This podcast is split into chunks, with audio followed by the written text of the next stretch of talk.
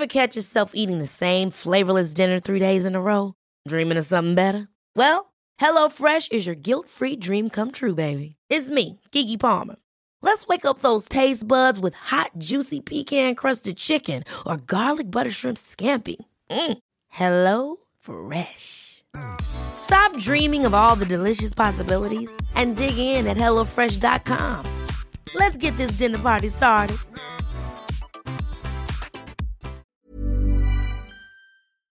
Alltså om jag, om jag skulle väga de här fyra, fem åren som har varit inom thaiboxning på, eh, om man ser till medaljer eller den personliga utvecklingen, då så skulle jag säga att den personliga utvecklingen har ju varit alltså det bästa och det som verkligen har gett mig, alltså det har ju varit en så, ja men en, en livsresa.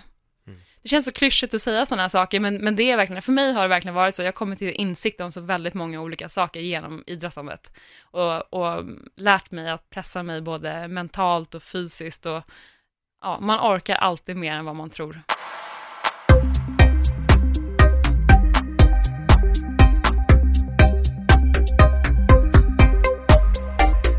Patricia Axling, välkommen till Polarberg Podcast.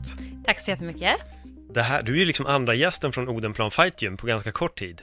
Ja, precis. Jag lyssnade faktiskt på Sannys avsnitt häromdagen och mm. eh, eh, sen gick det snabbt innan jag själv hamnade där.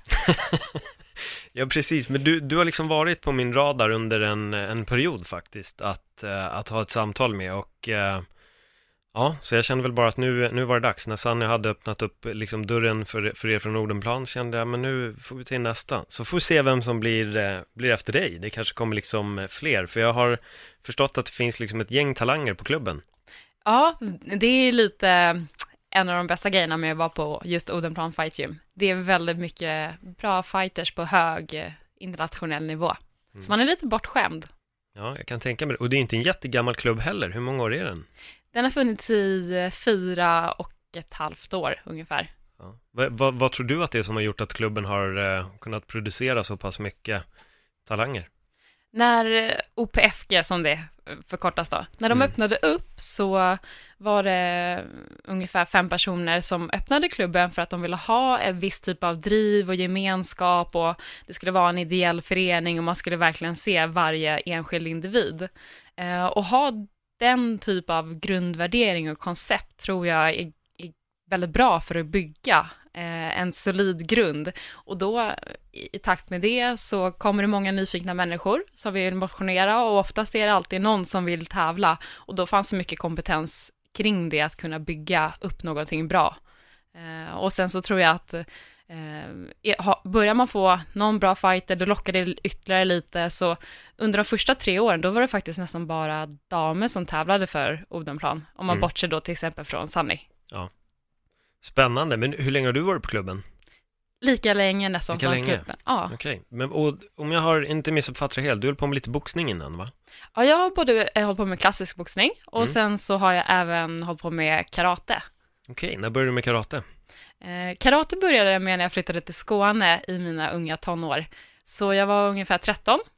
Eh, jag gick dit med min mamma och min syster. Och sen så, jag var egentligen sugen på boxning redan då, men Ystad är en ja, lite mindre stad och den lokala boxningsklubben hade faktiskt stängt. Så då, då var det det alternativet som fanns. Mm. Vad tog du för, för bälte i karate? Brunt.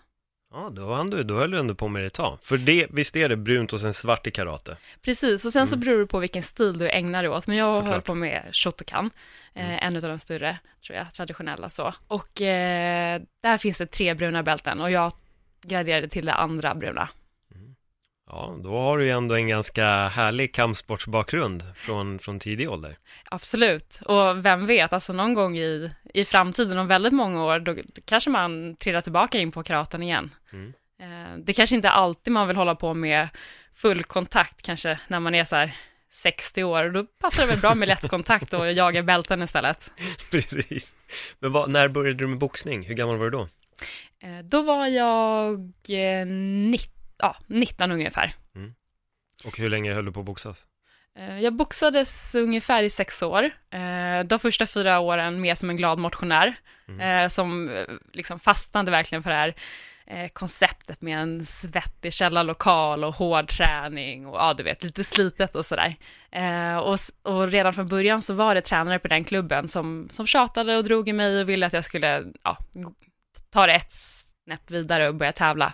Eh, jag själv då kände mig ganska mätt på tävlandet, för jag hade tävlat ganska mycket inom karate. Mm. Och så kände jag, men jag vill bara göra det här för att det är roligt, för ren lust. Eh, sen så sista två åren, eh, av de här sex, då bestämde jag mig för att börja tävla, så då hade jag två aktiva tävlingsår. Och eh, vad uppnådde du på de två åren inom boxning? Det blev ett eh, SM-brons och ett SM-silver. Eh, så jag hann väl gå ungefär, ungefär 20 matcher på de två åren. Så det är inget jätterecord, men eh, ja, li lite hann jag med i alla fall. Mm. Men hur långt var glappet sen mellan boxningen och thaien? Ett halvår ungefär. Ett halvår? Ja. Vad var det som gjorde att du helt plötsligt ville börja med thaiboxning? Faktum var att när jag flyttade tillbaka till Stockholm, eh, får man väl säga, för jag är faktiskt ursprungligen härifrån, eh, då var jag så här, vad är det dags att göra nu då? För att jag ville inte hålla på med karate och jag kände att det var dags för en annan sport. Och då funderade jag både på boxning, thaiboxning och kickboxning. Och så tänkte jag så här, ja fast det är nog bra att börja med boxning så man får schyssta händer. Eh, och sen så kan man gå vidare till thaiboxning. Eh, och eh, när det blev det här, ah, och, och, och då, då, fastnade jag ett par år inom boxningen och hade två superbra tränare som jag var väldigt nära. Sen av lite olika anledningar så, så försvann de iväg från klubben eh, och deras tjänster var vakant ganska länge och eh, tappade lite motivationen och sen så kom det en ny tränare och det fanns väl liksom inte riktigt det här bandet mellan oss. Eh, och, och, jag körde på kanske ett, ett halvår till med honom. Och sen så kände jag, nej men jag behöver ta en, en paus från boxningen och bara fundera vad jag ska göra. Så då hade jag ett halvår av ungefär, då jag bara typ styrketränade och löptränade. Och sen så, så var det på någon solsemester som jag insåg att det här är inte för mig, det, jag, jag måste göra någonting mer dedikerat. Eh, och då började jag googla Mm. och eh, just på kickbox, kickboxningsklubbar och thaiboxningsklubbar. Och eh, då såg jag, jag tror att det var någon reklam, jag vet inte om det var på Facebook eller Google, om just Odenplan Fight Gym, att de skulle öppna upp och det var en ideell förening och eh, mina tidigare klubbar som jag varit på har också varit ideella föreningar och båda har haft så här superbra sammanhållning och så jag kände så här, det här skulle kunna vara någonting för mig. Och då som av en slump så visade det sig att min dåvarande chefs eh, chef, hans styvson eh, satt i styrelsen då för den här klubben som skulle öppna upp. Så då blev han jättepeppad och tog kontakt med honom och ja, ja, resten är historia. Och det är historien vi ska gräva i nu. Ja. Det är det som är så härligt. Um, och, och, du tog dig dit i alla fall, men hade du, du säger själv, det låter som att du är ganska mål, alltså målinriktad. Som att du kände när du säger att du inte riktigt, du, att eh, löpning och träning, eller bara ren styrketräning kanske inte riktigt var din grej, utan du ville lite mer. Så fanns tävling i bakhuvudet redan när du började söka efter en thaiboxningsklubb, eller var det någonting som växte fram med tiden?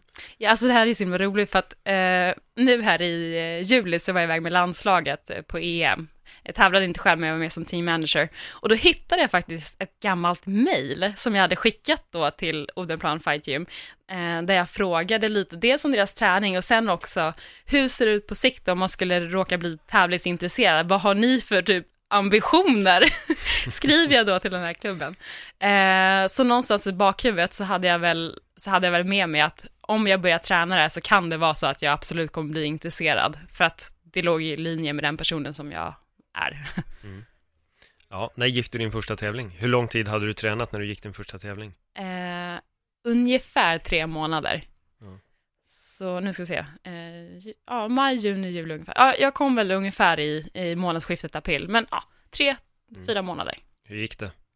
Eh, det gick bra. Jag skulle inte säga att det var den snyggaste matchen, men jag tror att matchen tog ungefär 75 sekunder och sen så där, bröt eh, domaren. Oj, det var till och med referee interference där alltså. ja, precis, precis. Det var väl mest att jag förlitade mig på mina händer och bara, ja, ja slog på ganska hårt. Och så bröt de. Och det var ändå, det var så här, eh, det var också en ganska fin stund, för då var jag den första från Odenplan Fight Gym av deras egen skolade eh, elever som fick matcha. Eh, och då åkte vi iväg, vi fyllde upp två bilar och så åkte vi nästan 40 mil, vi åkte upp till Sundsvall och sen så var det 75 sekunders match, ren glädje och så 40 mil hem igen. Det är ju det där man aldrig vet när man håller på med just kampsport. Jag menar, håller du på med en lagsport liksom, då vet man fotboll, det är 90 minuter, hockey har sin tid och... Men när det är just fighting, det är det, du kan träna en åtta eller tio veckor för att sen gå en liksom, ja, x antal sekunder i en match bara. Ja, det är det som är så himla häftigt. Det går ju Mm. inte att förutse någon, någonting överhuvudtaget. Man kan ju ha en målbild och du kan jobba liksom efter någonting, men eh, hur resultatet är, det vet man inte förrän du faktiskt står inne i ringen. Och vad fick du för känsla just när det var din första match? När det var så, okej nu, nu sätter vi igång, när, när domaren säger att ni skulle börja. Vad, vilka tankar for genom huvudet, om några nu for genom huvudet? Jo, men det gjorde det absolut. Alltså just eh, första thaiboxningsmatchen, där vet jag att jag hade ganska mycket, jag hade mycket nerver innan. Jag visste att jag hade hyfsade händer, men så, så var det så här, hur känns det i kroppen eh, när man blir nervös? Får man upp benen? Kan man sparka? Kan man röra sig framåt? Så jag hade väldigt mycket tankar kring det och vet att jag bollade mycket med min tränare. Eh, och sen, eh, däremot, när just, när liksom gånggången gick, om man ska säga, och domaren sa att det var dags att fightas, då, då släpper allting bara. Då är det, ja, då är det bara full fart framåt. Så då reflekterar jag inte så mycket om huruvida jag är nervös eller inte, men, men eh, tiden fram tills dess är jag det. Jag har nämnt det här tidigare, känner du till eh, konceptet flow? Eh, nej, Att gå in i flow, att komma in i ett flow state, som de brukar kalla det. Eh, ja, alltså jag förstår vad du menar. Och är din fråga nu om jag tycker att det är något sånt jag hittar när jag är... nej för att, för att det, det, det jag skulle komma till är nämligen det att det finns en bok som heter The Rise of Superman, Okej, som är en väldigt intressant bok som just handlar om, om flow. De har alltså analyserat flow på extremsportare. okej. Känslan de har innan de kliver in i ett flow och sånt. Och då säger de alltid det att det, det brukar börja med nervositet. Aha, Det är en okej. trigger för flow. Och eh, jag har själv hållit på, inte som fighter, men som stå upp komiker och jag vet att jag kunde alltid få nerver innan jag skulle upp. Ja. Men sen slår det om. Liksom, allt det där går bara bort. Så fort man kliver upp så är all nervositet borta och då slås all fokus på istället. Nu har jag fattat att det var en uppvärmning till att kliva in i flow, för när jag väl kom upp på scen så gled jag oftast in i flow, liksom i ett flow state. Och det låter lite som att det var det du hade, det var därför jag tänkte om du visste vad flow var, för de här nerverna är nämligen en positivitet för att då kliva in i ett flow och ibland när folk inte får den här nervositeten så går det också ganska dåligt. Ja, nej men, De kliver inte in i flow. ja, nu när du förklarar det sådär för mig, det är nog eh, första gången som jag faktiskt hör det. Mm. Eh, men då, då känns det absolut som att det är nog det som jag, som jag sysslar med. För att eh, oavsett om jag går, ja, men liksom, eh, har, har gått någon mindre match på, ja men så här, eh, någon grannklubb eller någonting, eller om jag har gått ett stort, en, en, stor match, typ VM eller gala eller någonting, så har jag alltid varit nervös. Eh, jag kan ha olika saker, eller så, känslor som gör att jag blir nervös, men ehm, men jag vet att det är helt naturligt och jag försöker liksom så här, okej, nu är jag nervös. Det här är, är en, en liten del i själva uppvärmningen och uppladdningen. Och jag vet att det ska vara så här. Och sen när jag kliver in i ringen, då släpper det. Och det har alltid släppt varje gång. Och nu har jag väl hunnit med, ja, cirka 35 thaiboxningsmatcher. Ja, det är ganska många. På, för det är inte så jättelång tid heller. Vad var? Vad sa du? På tre, fyra år Ja, eller? fyra år. Fyra Eh, år. Det är lite synd, för jag hade ju, mitt mål i år var att komma över 40 matcher. Ja. Eh, men sen, eh, ja, så mm, 2018 blev inte riktigt som jag hade tänkt mig. Jag var med Nej. i VM och eh, satsade på mitt eh, tredje raka VM-guld och eh, blev knockad i semifinalen Mm. och tappade eh, därmed bland annat då ytterligare ett matchtillfälle. Mm. Eh, och sen så valde jag då att avstå från EM som var ett par veckor senare. Var det din första förlust? I thai då? Eh, det var min första förlust internationellt. Alltså så att jag har, eh, innan så hade jag ett record på, eh, ja, vi säger, jag hade väl kanske gått en 33 matcher eller någonting Mm. och så hade jag förlorat tre stycken, Okej. vunnit 30. Ehm, så, ehm, ehm, ja, det, det var, det sved. Det var, Mm. det, det är aldrig roligt att förlora, men eh, det betyder väldigt mycket när man är iväg på ja, något så stort som ett VM, som för mig är bland det absolut viktigaste man kan göra. Ja, Och sen, det, ja. det förstår jag verkligen, men, va, men vad, eh, eftersom att du valde att avbryta så får jag ändå en känsla av att den förlusten var tyngre än de tidigare förlusterna, eller har jag fel? Eh, det, ja, eh, nej, den, är, den är nog den absolut tyngsta förlusten som jag har, Mm. för att eh, ehm, man kan ju aldrig för, för, förutse någonting, men jag, jag tror så här, hade jag tagit den här semifinalen så hade jag lyckats få med mig guldet hem till Sverige. Mm. Eh, och, eh, och fram till att knocken hände så ledde jag ju, vi var inne i andra ronden, jag tog första ronden tydligt, andra ronden ökade jag upp och hade den under kontroll. Mm. Fram tills det att ja, jag uppenbarligen inte hade kontroll längre. Eh, och eh, mina tidigare förluster har ju varit pengförluster, Just så det här är ju första gången som det händer på det här sättet också. det. Så det är nog den som har svidit allra mest, för att det ligger så otroligt många mm, träningstimmar bakom det här. Mm. Eh, också, eh, redan man var med i VM första gången, eh, så börjar man liksom fantisera om hur det ska vara liksom nästa år, och så får man med sig ett guld därifrån, och då, där någonstans så börjar man också fundera, shit, hur är det att få tre år i rad och så vidare. Du vet, man bygger upp, så det är inte bara Såklart. någonting som man har drömt om i en månad, utan det här är liksom ganska många år. Mm. Men jag, jag måste bara fråga, var det en TKO eller var det en knockout? Eh, Nej, det var lights out, alltså det var verkligen eh, en knockout. Okej, och det var första gången, du, har- du har aldrig blivit knockad i boxning heller antar jag? Nej, jag har faktiskt aldrig ens tagit en räkning. Aha, okej, oh shit, ja men då är det ju en, eh, ja, då, då förstår jag, vad, vad var det som hände? Vet du vad du blev träffad med? Det antar jag att du vet nu på efterhand, men Eh, ja, jag vet nu i efterhand, för jag eh, har ju sett videon och fått det förklarat och sådär. Men det var, det var en armbåge eh, som var eh, mycket skickligt levererad. Eh, jag såg den inte komma och det är väl den allra farligaste tekniken. Eh, så med detsamma när armbågen sitter, då, då, då hade jag redan somnat. Så jag Mm. sov in, före jag träffade canvasen. okej, okej, oj. Va, ja, liksom hur processade du det här när det, efter att det hade hänt? Ehm, det, med detsamma, eh, när det liksom föll ihop så blev det ju förstås stort dramatik, kom in läkare i ringen och mina tränare och massa runt omkring och sådär liksom. Eh, och eh, vi, jag blev kvar på golvet ett tag och sådär. Sen eh, eh, när jag liksom lyckas ställa mig upp, jag kommer ju inte ens ihåg det här, men mina tränare säger att, att jag har sagt till dem, eh, eh, vad var det som hände, det gick så snabbt. Och då är jag inte ens medveten om att jag har förlorat, utan det är bara, okej, vad, vad är det som har hänt liksom? Det, det här gick väldigt snabbt. Och sen så lämnar vi ringen, eh, jag och mitt team, eller vad man ska säga, och sen så går vi till eh, uppvärmningsytan. Och det första som jag då kommer ihåg, det är att jag sitter tillsammans med en amerikansk läkare. Och eh, den här läkaren ställer eh, frågor som jag tycker känns så här självklara, typ vad heter du, när är du född? Och sen så kommer frågan, vart befinner du dig någonstans? Och då tänker jag till lite hårt, ha, var är jag någonstans? Just det, Mexiko, jag är i Cancun. Ja, vad gör jag i Mexiko då? Eh, vad vad gör jag här, vad gör jag här? Just det, just det. Ja, men, eh, jag tävlar VM och i samma sekund som jag uttalar de här orden, då går det upp för mig att jag precis har somnat i semifinalen på, eh, på VM och därmed förlorat. Och då är det liksom inte vetskapen om att jag blivit knockad, för att för mig är det, så här, det är en del av sporten, det händer. Det är tråkigt, men det händer liksom.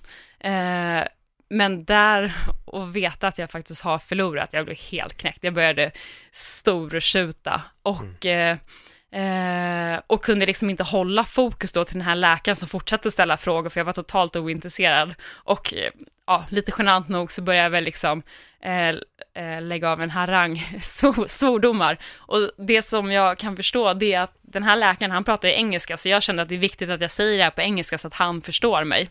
Eh, och eh, till slut så känner han så här, oj, jag kan inte riktigt kontrollera den här situationen. Eh, varpå han säger till min ena tränare, oj, du får komma in och, styra upp det här. Så då går min tränare in och så, så börjar han ställa lite ytterligare kontrollfrågor. Och eh, när den amerikanska läkaren går iväg med vår team manager och så frågar han henne, eh, blir hon alltid så här emotionellt upprörd när hon förlorar? Varpå eh, Lena, vår team manager, svarar, jag vet inte, det här är första gången som hon förlorar internationellt. Mm. Så det var en, eh, en eh, ja, eh, hårt avslut. Ja, nej, men det förstår jag. Och hur, hur har du hanterat det här på efterhand? För att det här är någonting som har dykt upp ganska många gånger, i, dels när jag har kommenterat, alternativt när jag har poddat, så har det varit att vissa personer tar förluster på olika sätt. Att förlora på poäng är en sak, men att förlora på knockout, det, alltså det är två väldigt, väldigt skilda saker. Och jag har sett i alla fall från MMA-världen, så jag har sett ett gäng fighter som när de vill ha förlorat på knockout, alltså de har aldrig kommit tillbaks. De har liksom inte återhämtat sig. Har du behövt jobba med det här på något sätt mentalt för att liksom komma över grejen eller känner du ändå att, du, du låter ju ändå avslappnad för att säga det är en del av sporten. Och där har du ju ändå en viss insikt, men hur har det funkat för dig? Ja, alltså så här, som fighter som sagt, jag vet att det här kan hända. Jag, jag, tänker ju på det hela tiden, alltså förstås inte när jag är inne i ringen, men dessförinnan så ja, det här kan ju hända. Jag menar, jag har ju själv avslutat mina matcher på knock vid ett par tillfällen och delat ut massvis med räkningar och så vidare. Eh, så jag är väldigt väl medveten om det. Däremot så tror jag kanske att det var värre för eh, mina närmsta vänner och min familj. På något sätt så har väl kanske de tänkt att jag är odödlig för att det har gått så väldigt bra för mig. Mm. Eh, jag har inte på något vis försökt att måla upp det på det här sättet, men jag tror att ja, de är ju fria att skapa sin egen bild av det. Så de tog det väldigt hårt och tyckte att det var extremt jobbigt. Eh, och sen så Ehm, då när det hände, det var inte bara så att man åker hem, för det var ju, vi var ju halvvägs in i VM. Ehm, och dessutom så hade jag, ehm, jag hade ett, vad ska man säga, ett, ett tv-team över från Kanada, för de höll på, det finns ett program som heter Den okända världsmästaren, där de följer eh, människor, kan vara allt från folk som är världsmästare i flugfiske, och nu hade de bestämt sig för att göra ett avsnitt just om thaiboxning, så de hade flugit in från Kanada för att dokumentera det här. Eh, kanadensiskt program eller? Ett kanadensiskt program, jag tror det släpps 2019. Mm. Eh, så de var där, och de kom just till semifinalen.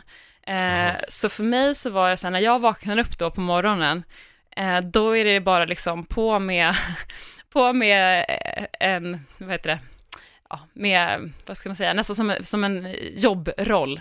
Eh, för att jag är där och jag känner så här, för de frågar ju, vill du avsluta projektet? Och jag bara, absolut inte, har jag påbörjat så fullföljer jag, det är den jag är. Eh, så att jag hade det här filmteamet med mig tre dagar efter det här.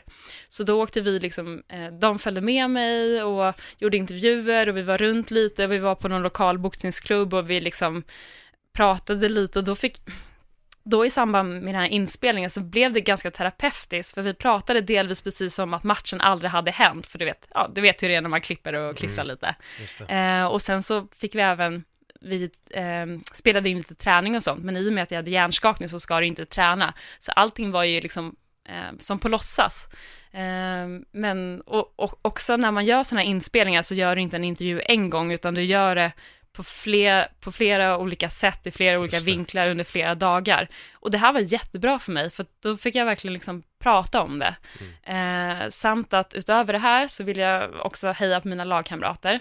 Eh, så att jag var ju på arenan också eh, och eh, hejade på dem och sen så fick jag även chansen då att titta på finalmatchen i 57 kilo som är min viktklass. Så jag tittade på den och och parallellt så tittade jag även då på själva knocken och matchen och analyserade, tittade på den i slow motion, alltså du vet verkligen så här, eh, för att liksom inte bygga upp några mentala hinder. Eh, så det var nästan som en och en halv vecka av terapi och bearbetning. Eh, då, då blev det snarare kanske svårare när jag kom hem till Sverige eh, och jag var liksom helt ensam och fick landa lite i det som hade hänt. Men som sagt, jag tror inte att det var knocken i sig som har varit det som var, har varit jobbigt, utan det är snarare förlusten. Mm. Och med den här eh, förlusten då och knocken så, eh, så fick jag sex veckors karens eh, som jag skulle vila. Och eh, det slutade i alla fall med, av lite olika anledningar, att jag vilade i tio veckor, vilket inte har hänt eh, sen jag började idrotta, när jag var typ 12-13 år.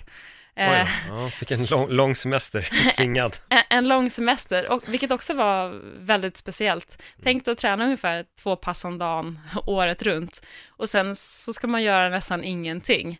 Eh, och det är inte bara det här att, att du fysiskt ska vila, det är även hjärnvila. Du ska inte läsa och du ska inte ha för mycket skärmtid och ja, så eh, det finns väldigt mycket tid för reflektion. Eh, och jag tror de först, den första månaderna, eller månaden, eller de första sex veckorna, så mådde jag eh, ganska dåligt. Eh, men successivt så kom man till, till insikt och acceptans och eh, ja, och nu, sen, sen helt plötsligt hade de veckorna passerat. Eh, och nu är jag tillbaka i träningen och det känns jättebra och jag känner mig oerhört målmedveten och det var även, det var även positivt för i slutet då på den här vilan, då var jag iväg då med landslaget, för i och med att jag tackade nej till min plats Ehm, och vår eh, nuvarande teammanager inte kunde åka med, så fick jag en förfrågan om jag ville ta hennes plats, vilket kändes väldigt ärofyllt och också kul att få liksom insikt i hur ett mästerskap går till rent administrativt. Eh, sen fick jag även vara med och, och coacha och vara med på träningarna och sånt där. Eh, så det, det, var väldigt bra och eh, det var otroligt eh, intressant och viktigt att kunna sitta och bara studera fighters. Det har jag aldrig möjlighet att göra annars. Hur var det? Att kunna liksom sitta vid sidlinjen just analysera, för det, det är någonting jag märker och jag tjatar mycket om MMA för det är det jag jobbar mest med, men, men de som får en möjlighet att kliva åt sidan och kan äntligen börja analysera sporten på ett annat sätt blir också som de säger bättre kampsportare. Ja, alltså det var som sagt, det, det, var väldigt lärorikt och jag känner det nu, nu som sagt, nu har jag bara varit igång i tre veckor, men redan, och jag har avverkat sex sparringpass, brukar köra två pass i veckan, just när det kommer till sparring, och under de här sex stycken sparringpassen så har jag redan nu märkt en teknisk utveckling försöker tänka lite smartare, försöker tänka liksom eh, mer, du vet, med fintar, hitta luckor, hur vill jag gardera mig? Alltså, ja, det känns som att jag har öppnat upp en helt ny nivå av fighting som jag, ja, förhoppningsvis hade nått ändå, men, men nu så går nog processen lite snabbare för att jag tvingades liksom bli medveten på ett annat sätt. Så att jag väljer att se det positivt, för man kan inte, man kan inte se det på så många andra sätt. Nej, väljer man se det negativt då eh, slösar man bara energi på negativa saker, så det är bra att du ser positivt. Jag är däremot lite nyfiken, vad gjorde du när du eh, inte fick varken skärmtid eller träning? Vad, eh, kunde du läsa eller kunde du se på tv eller var det också? Alltså, skärmtid måste ju exkludera tv också. Ja, alltså så här jag skarvade lite med det där med just med att läsa. Eftersom jag hade varit iväg i nästan tre veckor så låg jag efter i skolan. Eh, jag pluggade på universitetet och eh, behövde ta igen dels en komplettering och sen så skulle jag ha en tenta. Så att ehm, ehm, de första två veckorna var jag kände att jag var tvungen helt enkelt för att, att eh, lägga tid på det. Så att antingen så satt jag och läste tunga historieböcker och gjorde jag inte det så försökte jag faktiskt antingen bara promenera eller vila. Eh, mycket sen då, om jag var ute och gick till exempel, körde du vet, solglasögon och hörselkåpor med brusreducering och så.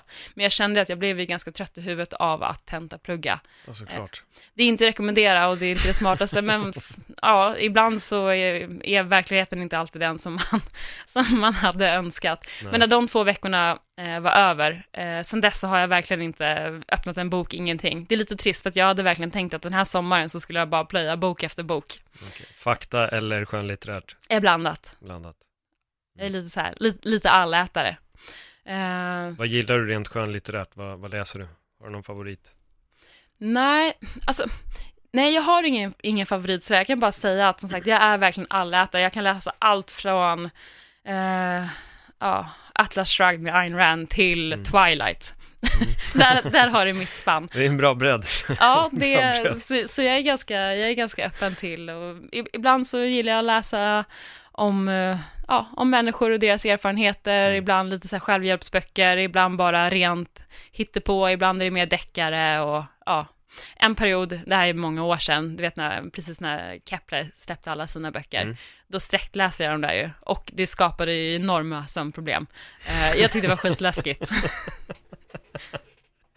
Och de första böckerna, var det Hypnotisören som var den första va? Den var ju ja. ganska tjock också, den är 500-600 sidor eller något sånt där. Ja men precis, så jag kommer ihåg att eh, jag är iväg på hundutställning med min mamma som är uppfödare. Mm. Det är mitt på dagen och solen skiner och jag sitter vid alltså vid ringkanten då, eh, och läser. Och det är precis det här kapitlet, när man inser att han som är inlagd på sjukhus, han är smutsig under fötterna. Ja, han är alltså inte dålig, utan han är iväg och gör massa mm. hyss. Jag tyckte det var så obehagligt, så jag satt där och bara fick kalla kårar och var livrädd. Då kände jag mig inte sådär jätte, jättehäftig. Spännande. Jag, min mamma var helt såld på hypnotisören. Jag fick låna den, jag läste den aldrig, men jag har också så 40 böcker på hög. Ja. Min pappa har faktiskt översatt, eh, jag vet inte vilken av Kepler-böckerna, en eller två till spanska. Okej. Okay. Han gjort, han jobbar som översättare i Spanien då. Ja. Eh, men vad, vad, vad spännande, men en, en, en, liten fråga, har du jobbat någonting med meditation eller någonting? Jag tänkte just under den här händelsen och när du ändå var tvungen att stänga ner skallen lite så kan ju meditation hjälpa till att stänga av. Ja men precis, jo men det, det har jag gjort. Eh, jag skulle inte säga att jag är något så här meditationsproffs, men däremot så försöker jag, eller försöker, jag gör i, i perioder. Eh, så, så den här perioden, när jag har vilat, har vi inte skilt sig från någon annan period. Eh, och, och, det som jag gör helt enkelt, ibland så använder jag mig av, av appar. Det finns en app som heter Calm, som jag tycker är väldigt, eh, så jag tycker är väldigt bra. Eh, där du kan få lite instruktioner. Men annars så är det bara, ja, ställ en klocka, sätt dig ner, sätt dig skönt i en position och sen så bara tänk på ingenting eller fokusera på andningen. Man kan ju välja vad man vill ha för, eh, för syfte eller liksom mm. så. Och eh, särskilt när jag började med thaiboxningen, då jobbade jag väldigt mycket eh, med visualisering, just så här in, inför match, på matchdagen, eh, så brukar det börja med att jag kanske tar tog kanske tio minuter och bara försökte tänka på andningen och ingenting annat. Och då kändes det som att jag lyckades rensa mina tankar. Och efter det, då började jag med visualiseringen. Vad vill jag åstadkomma i min match? Och vi säger då att man hade tränat på en specifik kombination. Då upprepade jag liksom, då ser jag mig själv gå in i ringen, eh, göra alla procedurer som man gör i början och sen så hur jag då lägger den här kombinationen och jag känner, du vet, tyngden i slaget eller sparken, hur den nuddar, hur det känns, känslan av när då min potentiella motståndare då skulle kontra och så vidare. Eh, så jag har jobbat ganska mycket med det.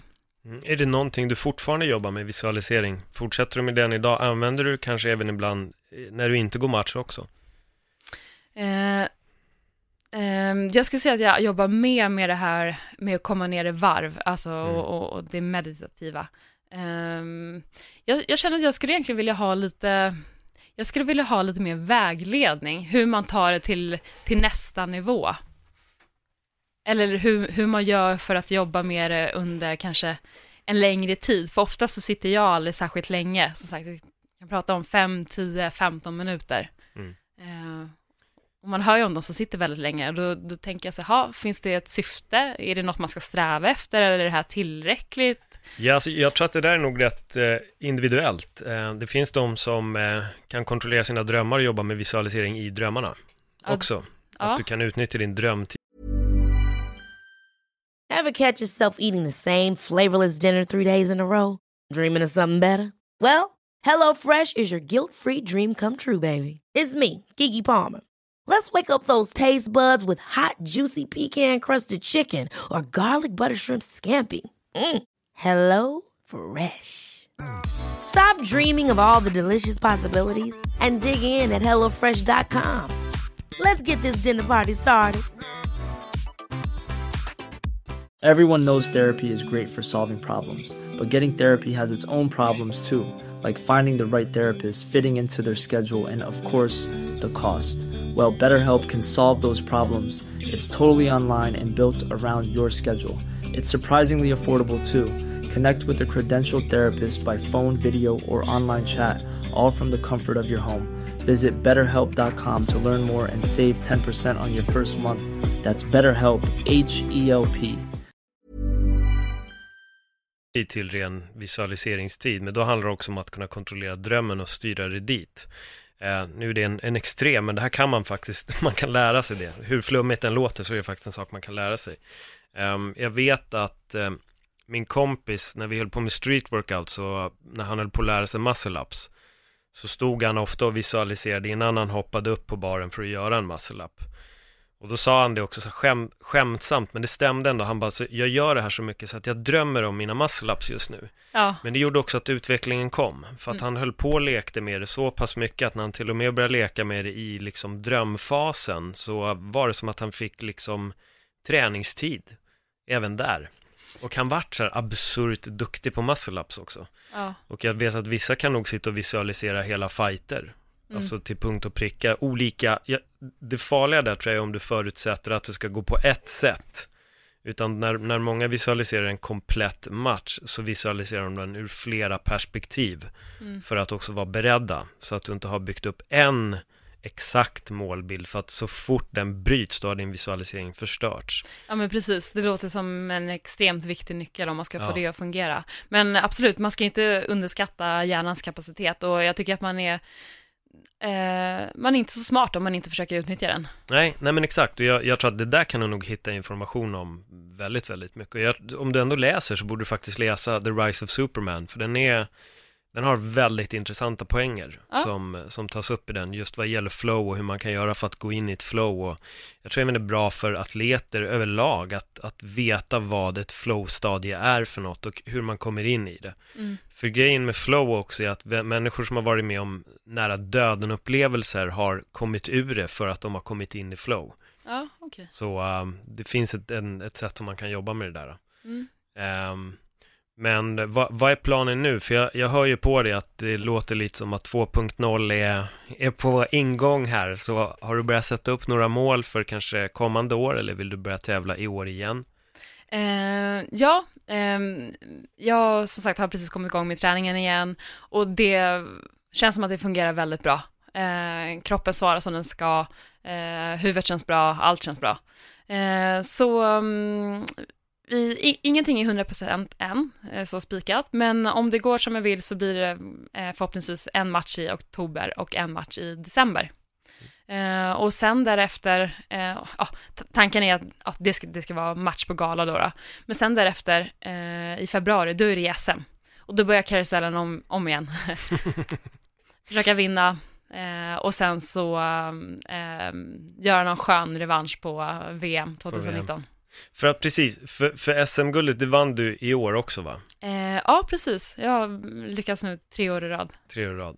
Hur många viktklasser är det där egentligen ibland i damdivisionen? Har ni jättemånga viktklasser eller har ni färre viktklasser?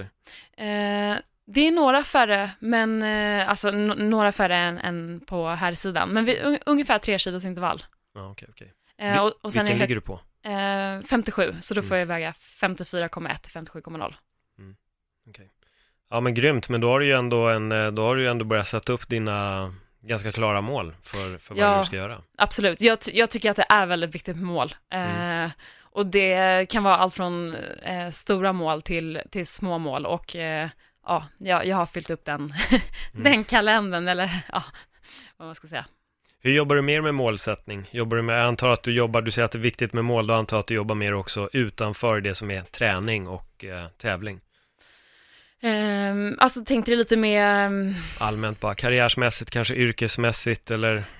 Ja, alltså just när det kommer till eh, karriär och yrkesmässigt och sådär, um, så har jag ju faktiskt precis gjort en liten, ett litet omval här. Jag har ju de senaste nio åren jobbat, uh, alltså inom juridik, jobbat både på tingsrätt och advokatbyrå.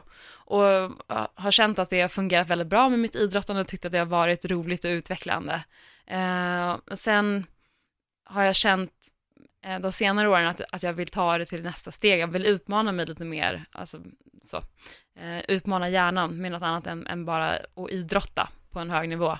Så då har jag tänkt att jag ska eh, ta nästa steg och börja plugga igen. Men eh, ibland är det så här, man vet vad man har, men man vet inte vad man får. Så jag gick och funderade på det här i, ja, nog nästan fem år. Och sen så nu så bara hastigt och lustigt så beslutade jag mig strax före årsskiftet. Så nu håller jag på att läsa till eh, lärare. Okej. Okay. Någon speciell inriktning eller bara allmänt? Um, nu vid årsskiftet så började jag då läsa vid Stockholms universitet och då valde jag gymnasielärare, historia och religion. Mm. Uh, men sen så sökte jag faktiskt nu, så, och jag har kommit in också på det, uh, till GIH, alltså gymnastik och idrottshögskolan. Okay. Så då är tanken att bli idrottslärare och sen så väljer man ju uh, alltid ett andra ämne också. Och jag tror att jag kommer vilja fortsätta med historia för att jag tycker att det är otroligt intressant. Mm. Eh, annars skulle det typiskt kunna bli religion eller samhällskunskap eller något sånt. Det, här, det, det är en väldigt intressant, eh, så ganska tvärvändning faktiskt i ditt yrkesmässiga liv. För väldigt många skulle väl tycka att, men fan, här är du liksom klar och jobbar med, med lag och ordning och vad ska du bli lärare? Vad fan ska du bli lärare för? Har du fått den frågan? Uh, ja, av min chef bland annat. nej, men skämt åsido. Uh, nej, men det, det är nog många som, uh, som undrar vad var det som hände där. Och hade du frågat mig för ja, något år sedan så hade jag nog också frågat, nej, vad säger du? Ska hon mm. bli lärare? för det är ju verkligen ingenting som jag har gått och drömt om. Alltså min första sen när jag var liten, det var ju att jag ville, ja, när jag var riktigt liten, då ville jag bli FBI-agent för att Arkivex var favoritprogrammet. och sen, sen ville jag bli polis. Mm. Eh, och eh, någonstans där, det var då jag snubblade in på att jobba just alltså på tingsrätt och advokatbyrå och sånt. Jag såg det som en inkörsport. Men sen så, ja, jag vet inte, livet tar en annan riktning ibland och sen har jag väl insett liksom, för att eh, jag tycker om att jobba med människor. Det tycker jag är otroligt intressant och roligt. Och eh, så gillar jag service och eh, från början så har jag inte tyckte om att eh, undervisa och hålla pass och instruera andra människor. Jag vet att jag testade på det när jag bodde i Ystad och alltså, så här, några gånger höll något pass och jag har även hållit något pass när jag har boxat, men jag har inte varit så förtjust i det. Men nu när jag började thaiboxas, där har Alltså vår, vår syn på det hela där på klubben, det är väl lite så här att eh, det som man får av andra ska man försöka sen alltså, ge tillbaka.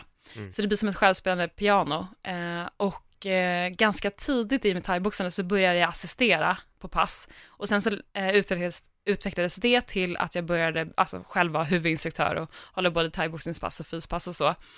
Och någonstans där så lärde jag mig att tycka om det och nu tycker jag att det är väldigt, väldigt roligt. Och sen så tror jag att jag bara började pussla ihop liksom, okej, okay, jag gillar människor, jag gillar rörelse, eh, ja, och, och sen så började jag liksom inse, okej, okay, det är en enorm lärarbrist i landet, det är fler som söker till Paradise Hotel, vart är samhället på väg? Mm. Eh, och så bara kändes det naturligt och det känns jättebra. Eh, jag må vara äldst på utbildningen, men, men det känns ändå väldigt bra och jag, jag tror att det kommer passa mig bra. Ja, jag gillar verkligen det du säger, för att det här är det som är ganska ovanligt bland folk, utan många är, går istället efter det här, jag har ett jobb, nu är det tryggt och nu stannar jag här och så kan jag bara längta efter det året jag går i pension. Ja. Medan du istället känner att, fan jag är inte riktigt nöjd här, jag vill faktiskt göra något annat för att det är ganska många år tills jag går i pension, så då väljer du att sadla om helt och så gör du det som du faktiskt känner känns rätt. Mm. Eh, och då kommer min fråga, varför tror du att folk är så rädda för att våga sadla om? Ja, alltså det är väl just det. Jag, jag tror att folk generellt inte, inte utmanar sina rädslor. Eh, och, och, det kan vara allt från att, det här låter jättetramsigt, men det kan vara allt från att välja en annan pizzasort till att eh, ja, byta jobb. Och om man inte vågar utmana sig på de små stadierna, eller på de små planen, hur ska man då våga göra, alltså faktiskt stora livsomvälvande beslut som att faktiskt säga upp sig från sin trygghet, kanske en bra inkomst och bara satsa på något helt annat. Det kan ju bli fruktansvärt dåligt, eller perfekt. Exakt, och det är som med pizzan, man vet aldrig vad man får så man håller sig till tryggheten. Precis, precis. Men gör du små utmaningar i livet också när du ändå säger det här? Testar du nya grejer bara för att utmana din eh, bekvämlighet eller vad man ska säga? Ja, det tycker jag absolut att jag gör. Alltså, eh, Ehm, alltså he hela det här med att, att, att, börja plugga tycker jag ändå var, ja men som sagt, ändå liksom fast jobb och äh, liksom ändå bra stöttning därifrån och, och jag vet min plats eller vad man ska säga och jag vet att det funkar liksom eh, bra, jag har köpt bostadsrätt och grejer och sen så bara nej, jag bara släpper allt det där och sen så börjar jag plugga istället, så det tycker jag faktiskt var utmaning och kändes nervöst och spännande och sådär. Men sen så, eh, jag utmanar mig hela tiden inom mitt idrottande också. Jag skulle säga att eh, alltså om jag, om jag skulle väga de här fyra, fem åren som har varit inom thaiboxning på, eh, om man ser till medaljer eller den personliga utvecklingen, då så skulle jag säga att den personliga utvecklingen har ju varit alltså det bästa och det som verkligen har gett mig, alltså det har ju varit en så, ja men en, en livsresa det känns så klyschigt att säga sådana här saker, men, men det är verkligen, för mig har det verkligen varit så, jag har kommit till insikt om så väldigt många olika saker genom idrottandet och, och lärt mig att pressa mig både mentalt och fysiskt och ja, man orkar alltid mer än vad man tror. Ja, det är det där uttrycket med att när, när vi väljer att ge upp så har vi 60% kvar att ge. ja. Men är det någon mer insikt som du har kommit till som du, ja, som du så på rak arm kan, kan nämna? Um, um, ja, alltså det, det som, en insikt som jag känner genom idrotten, det är väl lite det här med uh, att jag varit väldigt dålig på att visa en sårbarhet och vara liksom öppen med, ja men det här är jag eller jag vill det här, utan det, det är lätt att det blir liksom lite så här en fasad. Um, mm utan att låta att man är, som att man är alldeles för falsk. Men ja, jag har, har inte varit så, alltså, så bra på att hantera känslor och sånt utåt. Um, och jag tycker att thaiboxningen har hjälpt mig uh, ganska mycket i det. Vad tror du som gör att vi är så rädda för att visa oss sårbara? Uh, för då sänker man garden och, så, och sen helt plötsligt så, uh, så ska man visa sig svag, fast det är inte alls det det handlar om. Uh, och så, så, tror jag att man har någon bild av sig själv som en supermänniska, man ska klara allting själv och man behöver aldrig be om hjälp för någonting liksom. Uh, och, och i, ja, för mig är det nog det som det har handlat om. Man vill inte tappa ansiktet, man vill inte se dålig ut. Nej. För jag har stött på människor som har en, en eh, lite där du sa med en fasad, som eh, målar upp en väldigt lite sociala medier nu, men, men målar upp en väldigt, åh, livet är så fint, allting är så bra, le, bla bla, gör här, gör si, gör så, och sen när man väl ser innanför personen så bryter de liksom ihop och upplever att allting är skitjobbigt och att de känner sig pressade att alltid vara de glada människorna. Och, men det är ingen som har bett dem vara det egentligen, utan Mm. det är oftast de, de själva som gör det. Mm. Jag tror jag sa det till Sunny, egentligen så är det väl en extremt stor styrka också att visa sig sårbar. Vilket är skitsvårt, Mm. men ibland tror jag också att vi måste kunna sänka vår egen gard och fan vi är alla människor, alltså i slutändan. Men jag vet inte, jag vet inte, jag filosoferar och funderar ibland för mig själv, var, var kommer allt det här ifrån med att vi alltid måste vara så jävla starka hela tiden? Ja, jag, jag vet inte riktigt vad, vad det grundar sig i. Jag tror att alla människor kan nog ha en, en alltså olika anledningar till att det är på det sättet. Eh, men, men också när man vill visa den bilden att allting är så bra hela tiden. Det skapar också eh, jag, jag vet att det här var strax efter SM så publicerade jag något inlägg på, i, i mina sociala medier. Eh, ibland så blir jag så otroligt trött på alla de här förväntningarna som man har på sig eh, delvis i sitt idrottande. Eh, man går in i ringen och folk förväntar sig stordåd varje gång. Eh, och det är många gånger som jag känner att jag kan absolut inte leverera det där. Eh, och mm, jag kan gå in i ringen och jag och mina tränare, vi, vi har en utarbetad plan. Idag ska du bara öva på det här. Eller du vet, man kan vara skadad någonstans så du kan inte ens göra 60% av det som du hade velat göra, men det här vet inte människor om. De bara tänker på en gång, det här är en, ja, det här tjejen ska ju vara så himla bra, det här var ju inte så himla bra. Och sen så Nej. kanske man har följt planen till pu- punkt och pricka, men folk har så himla mycket åsikter om, om, om allt möjligt. Och um, i det här så tror jag att det är, är ganska viktigt av att inte hålla på att eh, måla upp perfekta bilder hela tiden av hur, hur saker är. Mm. Så jag tror att jag sparkade bakut lite grann och publicerade eh, en, något inlägg med att folk borde tänka till. Eh, för att man vet inte alltid orsakerna och anledningar till varför man gör på ett visst sätt. Vad fick du för reaktion? Eh, väldigt positivt. Eh, och eh, det är väldigt många som också, alltså både från män och kvinnor och yngre och äldre, och det är många som sa att de, eh, ja men, men, men backade lite. Så här, ja, men jag kan erkänna, jag har själv haft de här tankarna, att du ska gå in i ringen och leverera jättebra saker hela tiden, för det är det jag tänker. Men, men nu när jag läser det här så kan jag förstå att det finns mer där till. Och jag tror att de glömmer också att det finns en annan person på andra sidan dig i ringen som också har tränat exakt lika hårt och har stora planer i sitt eget huvud om att faktiskt demolera dig. Ja, det är liksom lite den här faktorn som jag tror att många bortser ifrån hela tiden när det är stordåd. Men, men alltså du ska ju ha cred för att du inte tar åt dig av deras press. För det finns också Don't Believe the Hype och eh, den är nästan farligare. Att börja tro på allting. För jag märker också att vissa personer verkar tro att jag kliver in och sen när jag ställer mig där så blir personen knockad ungefär per automatik. mm. Och det kommer ju inte hända. Ja, nej men precis. Och jag tror att så här, eh, det är nog någonting som har, som har gjort att, eh, alltså som har hjälpt mig framåt i mitt idrottande. Jag har på inget vis någon typ av storhetsvansinne. Jag tar aldrig någonting för givet. Jag utgår alltid från att min motståndare tränar minst lika hårt, kanske ännu hårdare, eh, fast jag alltid själv försöker träna hårdast. Men, så jag vill aldrig ta någonting för givet och liksom skulle aldrig dyka upp i en ring inte förberedd liksom. Eh, och jag tror att så fort man börjar liksom eh, tro annat om sig själv, det är då det inte går så bra. Eh, och, och det här med pressen också, det blir ganska tydligt. Eh, då, 2016 kan man säga var mitt genombrottsår. Alltså första gången som jag vann SM och VM och det, och EM. Eh, och då när man lyckades göra ett helt så här fantastiskt år, så man bara känner hur, hur lyckades man ens?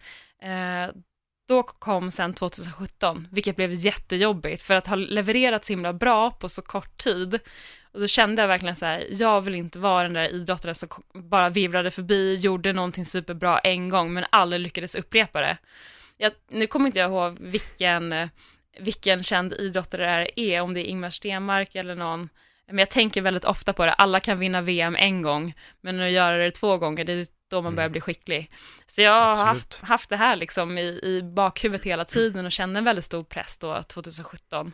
Eh, och mm, jag vet att när det var eh, SM så kände jag mig otroligt pressad. Eh, och nästan lite så här panikångest innan jag skulle gå in i ringen, för jag bara, nu måste jag leverera, nu måste jag leverera. Så blir det, ja, varken hackat eller malet liksom. Och samma sak in, inför VM då som var i Vitryssland i år, jag tyckte det var jätte, jättejobbigt. Och, eh, och valde att ta lite hjälp av, det finns, eh, eh, det finns någonting som heter Riddargatan 1 som är, det är som en ja, klinik eh, för eh, elitidrottare och de mm. som har varit aktiva eller är aktiva. Eh, där du kan få lite stöttning med allt från sömnproblem till, eh, ja, jag blir så nervös när jag ska tävla, va, va, va, vart ska jag ta vägen? Så, så då gick jag där ungefär ett år och fick liksom lite stöttning och... Eh, lite mental coaching eller? Ja, precis. Mm. Eh, lite där med tankarna om, om att ha den här pressen på sig. Och sen eh, efter VM, eh, som var då på våren 2017, så, så fortsatte jag ändå ner i någon typ av eh, negativ spiral tankemässigt och kände väldigt mycket press. Och då var det faktiskt min tränare som sa till mig i, ehm, ja, jag tror att det var augusti, nu, nu, nu kör vi ett race här inför EM och om du inte kommer liksom på bättre tankar, om du inte hittar liksom det, en självsäkerhet i det här, eh, då, då får du väl fundera på om du vill ta lite tid av. För att om du inte har huvudet med dig med, alltså om du inte har med dig huvudet in i ringen när du tävlar, då är det faktiskt farligt, för det är på en så hög nivå liksom. Ja, absolut. Eh, och då hade jag två månader då jag liksom hade en inre dialog med mig själv varje dag. Och sen så var det så himla, och jag var väldigt nervös inför det EMet, för att in, inte alltså för prestationen, alltså så om det skulle bli medalj eller inte, utan snarare så här, kommer jag kunna eh, leverera det som, som jag vill leverera, alltså ha med mig huvudet och vara liksom på, ha hjärtat på rätt ställe. Eh, och det var så himla skönt för att då på det EMet så går jag in, det här var i Paris, möter en fransyska i första matchen och eh, fullkomligt utklassar i den matchen och kände bara att allting bara, allting bara flöt, allting fanns där som skulle finnas där och då kände jag verkligen så nej men nu har jag nog lyckats mota bort eh, ganska mycket, ganska många hjärnspöken. Eh, vilket gjorde också att 2018 eh, har känts mycket bättre. Det var därför det blev lite snöpligt sen på VM. Såklart. Att det inte blev ett guld utan bara en bronsmedalj. Men eh, det känns ändå skönt för min egen skull att eh, hjärnspökena har lugnat ner sig lite i alla fall. För det hade varit värre också om du hade förlorat och du hade klivit in med alla hjärnspöken. Ja, absolut. Så då blir det ju tyngre. Nu kom du ändå in liksom ren och ganska fri i huvudet och ja, det gör ja. ju att då har du ändå gjort det du kan och sen Alltså, any given Sunday som de säger i amerikansk fotboll, alltså alla kan vi förlora. Det är, ja. Och någon gång händer det ju. Ja, absolut. Och eh, det är ändå, jag tycker det är ändå också det fina lite med det här idrottandet. Nästan alla, alla motståndare som jag mött har varit eh, nej men, superproffsiga och liksom eh, fantastiskt bemötande och, och den här tjejen då som jag förlorade mot, hon var från Italien och vi Eh, spenderade ganska mycket tid efteråt sen, eh, de kommande dagarna och pratade mycket och sådär. Och jag pratade mycket med hennes tränare också. Och han berättade till mig, ehm, för hon var inte med på EM året innan, men han berättade hur han hade flugit över till Frankrike och suttit på EM och studerat mig i varje match och liksom, du vet, lagt liksom ihop eh, taktik och så vidare och så vidare. Och eh, ja, och det, till och med om jag får citera henne så hon var så här, ja, du var så himla stark, du, jag visste inte vad jag skulle göra och sen eh, chansade jag och det satt. Mm. Och eh, det blev en fullträff. Ja, och det är typ, ja, hon tyckte att det var det bästa hon någonsin har gjort, vilket jag ger henne, det var väldigt fint. Förståeligt att hon känner, hon ska ju känna så också när hon besegrar någon som dig, för jag antar ändå att, alltså när folk åker till Frankrike för att studera en, då har man gjort ett ganska bra jobb. Ja, det får man säga, absolut. Hur tog du det när han sa det? Vad, liksom, vad blev dina tankar? Eh, någonstans där så blir man så här, varför har någon åkt och kollat på mig för? Och sen så, så börjar man tänka lite mer rationellt och sen så, okej, okay, ja, nej men för att eh, jag har ju stått som obesegrad i 57 de senaste två åren på, på all, genom alla matcher och så. Det är ju klart att eh, skickar han iväg en fighter som är hans största hopp, liksom, det är klart att han vill att hon ska komma hem med ett guld. Han vill göra han, han vill göra allting för att hon ska vinna och om det då krävs att han åker och studerar mig live, ja, nej men då, jag, jag kan förstå det. Mm. Eh, och på något sätt så är det väl lite smickrande också, för det visar väl bara att eh, ja, man, man är ett, eh, ett namn att räkna med. Ja, absolut. Jag tolkade det som en jättestor komplimang. Ja. Det var faktiskt det jag gjorde. Vad skrämmer dig? Eh, massvis skrämmer mig. Allt från, eh, ja, mörker ibland till eh, eh, ja, jag, på ett sätt väldigt svår, svår fråga, den är ju stor. Mm. Eh, men jag tror också, annat som skrämmer mig, det är att, eh, att inte kunna eh, få ta, vad heter det, ta, ta ansvar för mina egna beslut. Till exempel som nu vid den här knocken så blev det i vila och det är ett beslut som inte jag har tagit. Och jag är lite kontrollfreak och att, att då lämna över den typen av beslut i andras händer känns väldigt jobbigt. Ehm, jag tror att det var som sagt väldigt bra det som hände för att man får öva på många saker som man är väldigt dålig på. Jag är också, jag är också dålig på, jag är dålig på att vila, alltså vila från träning, för att jag antar att någonstans så är jag rädd för att inte ha gjort tillräckligt mycket arbete, eh, alltså vid, vid slutet av dagen. Så, ja. För mycket träning är också en fara. Absolut. Så vilan behövs. Jag tror ibland att vi glömmer det. Men vad, vad, har du någon brytpunkt ifrån det här? Finns det någonting du gör som inte har någonting med, med liksom träning eller kampsportandet att göra? Där du kan liksom gå in eh, bara rent fysiskt eller mentalt i någon, någonting helt annat? Uh, ja, alltså, uh, jag jag är ute och promenerar väldigt mycket i naturen. Mm. Och jag tycker att det är väldigt avkopplande. Och eh, där jag bor så har Kungens får går där från maj till september. Och det bästa jag vet, det är att vara ute och gå i skogen och först kommer doften av får och sen så några hundra meter senare så, så dyker de upp. Eh, jag, blir väldigt, jag blir väldigt lugn eh, av att liksom bara få vara för mig själv mm. eh, med mina tankar. Eh, det är en väldigt bra start på dagen.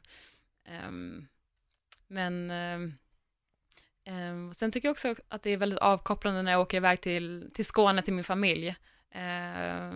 Alla, alla familjemedlemmar har väldigt mycket djur. Jag älskar djur. Mamma har kennel, syrran har alldeles för många råttor, andra syrran har katt, ja det har den andra syrran också i och för sig, och de har två små barn och ja, det är väldigt mycket oxytocin och liksom bara glädje och fluffiga djur. Mm. Det, är väldigt, det är väldigt trevligt och avkopplande. Vad är framgång för dig? Eh, framgång är att eh, slita hårt och, eh, och uppnå det, det som man vill. Meningen med livet? Meningen med livet idag är thaiboxning. Helt klart. Jag, jag, jag älskar, jag, jag, älskar den här pressen, jag älskar att gå in i saker och bara eh, fokusera. Det är liksom, jag lever ju väldigt spartanskt. Alltså jag tränar två gånger om dagen och däremellan så pluggar jag. Tidigare så har jag arbetat och jag åsidosätter nästan allting för att däremellan så behöver jag min vila, min återhämtning. Eh, med åren så har man väl skalat bort ganska mycket människor runt omkring sig för att det kanske inte är den mest socialt accepterade livsstilen. Eller man är den här ständiga nykteristen vid alla, alla tillställningar. Eh, det är någonting med svenskar och alkohol, det ska alltid drickas hela tiden. Eh, så... Um... Och sen tror alla också att bara för att man inte dricker så är det att man är nykterist av en speciell anledning. Precis. Mm. Nej men så, uh, och det är ju liksom, det är ju val som jag har gjort. Och hade inte det varit kanske det allra viktigaste för mig, då hade jag inte gjort de här valen. Men för mig är det väldigt självklart att lägga saker åt sidan för att bara ägna mig åt idrotten. Idrotten är inte för evigt. Det är, det är liksom som en, som en gåva som man kan hålla på med ett tag. Men jag kan inte, kan, alltså, ja, jag kan inte vara 50 bast och glida in i ringen. Nej, det var det lite du nämnde tidigare. Ja. Mm. Eh, vad var läskigast för dig, eller vad är läskigast för dig? Att bryta upp med ditt gamla jobb och starta en ny liksom, yrkeskarriär eller kliva in i en ring och fightas?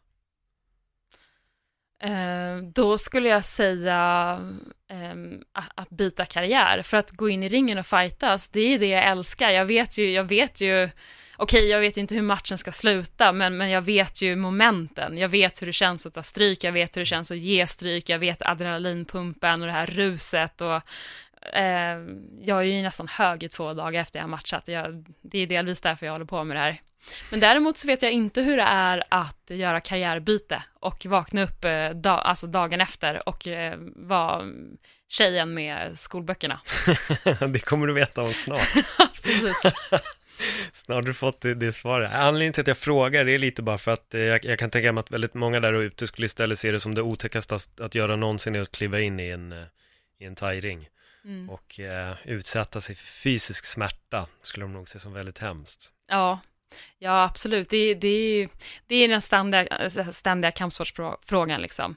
Mm. Är du inte rädd? Gör det inte ont? Och så vidare och så vidare. Visst, det finns ju så här moment i, i mina matcher. Jag kommer ihåg första gången som jag gick en match i thaiboxning utan skydd. Jag flög över till Kanada och mötte liksom deras hemmahopp och jag skickade iväg en bakre spark rakt in i hennes block. Och då tänkte jag så här, oj då, ja, det var så här det kändes, ah ja, nu kör vi. Så det finns ju några sådana där eh, situationer som har lämnat avtryck, men, men generellt, det som folk som inte är liksom inom fighting, det som de nog inte kan förutse, det är den här enorma adrenalinruschen som man, som man har när man är inne i en ring. Det är inte så mycket som känns just då, det, det känns efteråt när kroppen har kylts ner och ja, man vaknar upp dagen efter och undrar vad det är för, för tåg som har kört in igen. Det var lite det Sanny sa också, han bara, det gör inte ont då, adrenalinet pumpar, han sa precis det du Ja, sa, okej. ganska roligt att, att höra er båda, båda säga det. Och jag kan tänka mig det, jag tror att hade man känt smärtan så som man känner den, så att de flesta hade nog gått en match och var det ganska klara sen. Det måste finnas någon form av bedövning i det hela medan man är där. Ja men precis, och jag tror också det är lite det som är slitigt med VM och EM. Visst, det går ju bara, du, du kör ju inte flera matcher på en dag, så det är inte så här turnering på det sättet, men däremot så kanske du har en och en halv vecka när du ska köra en, jag vet inte, tre, fyra, fem, sex matcher eller liksom beroende på hur stor viktklassen är. Jag har väl snittat fyra matcher ungefär.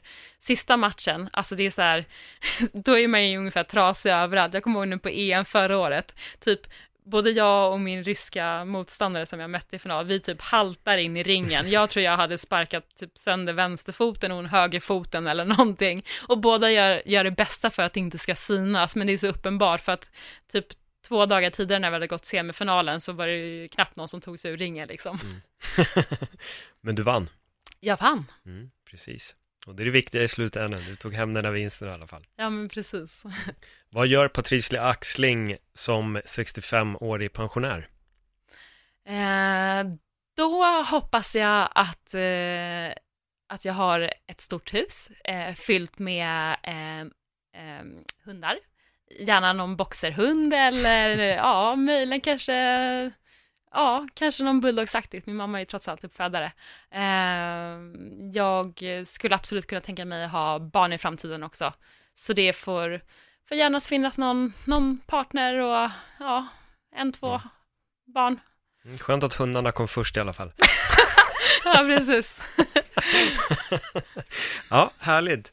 Um, Patricia Axling, supertack för ett jättebra samtal. Ja, tack för att jag fick komma. Det var Ja. väldigt trevligt. Jättetrevligt att få, att få höra din historia. Ehm, om folk liksom är nyfikna på det, har du någon hemsida eller var kan man liksom följa dig i, i din karriär och, och allting? Eh, Det allra smidigaste, det är att följa mig på Instagram, eh, paxling, paxling. Mm. Där finns jag. Perfekt, ja då vet ni gott folk, det är bara att hoppa in på Instagram och eh, följa Paxling så kan ni följa henne i hennes eh, framtida, vad det nu må vara, om det är hundar eller thaiboxning och kanske barn, vi får väl se. Tack så jättemycket än en gång. Och eh, till er där ute som gillar det här avsnittet, ni får jättegärna dela det på era sociala medier. Hej då!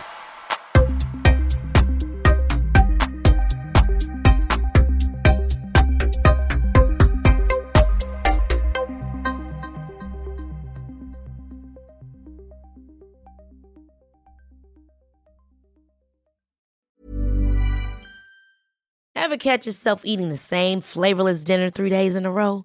Dreaming of something better? Well, HelloFresh is your guilt free dream come true, baby. It's me, Gigi Palmer.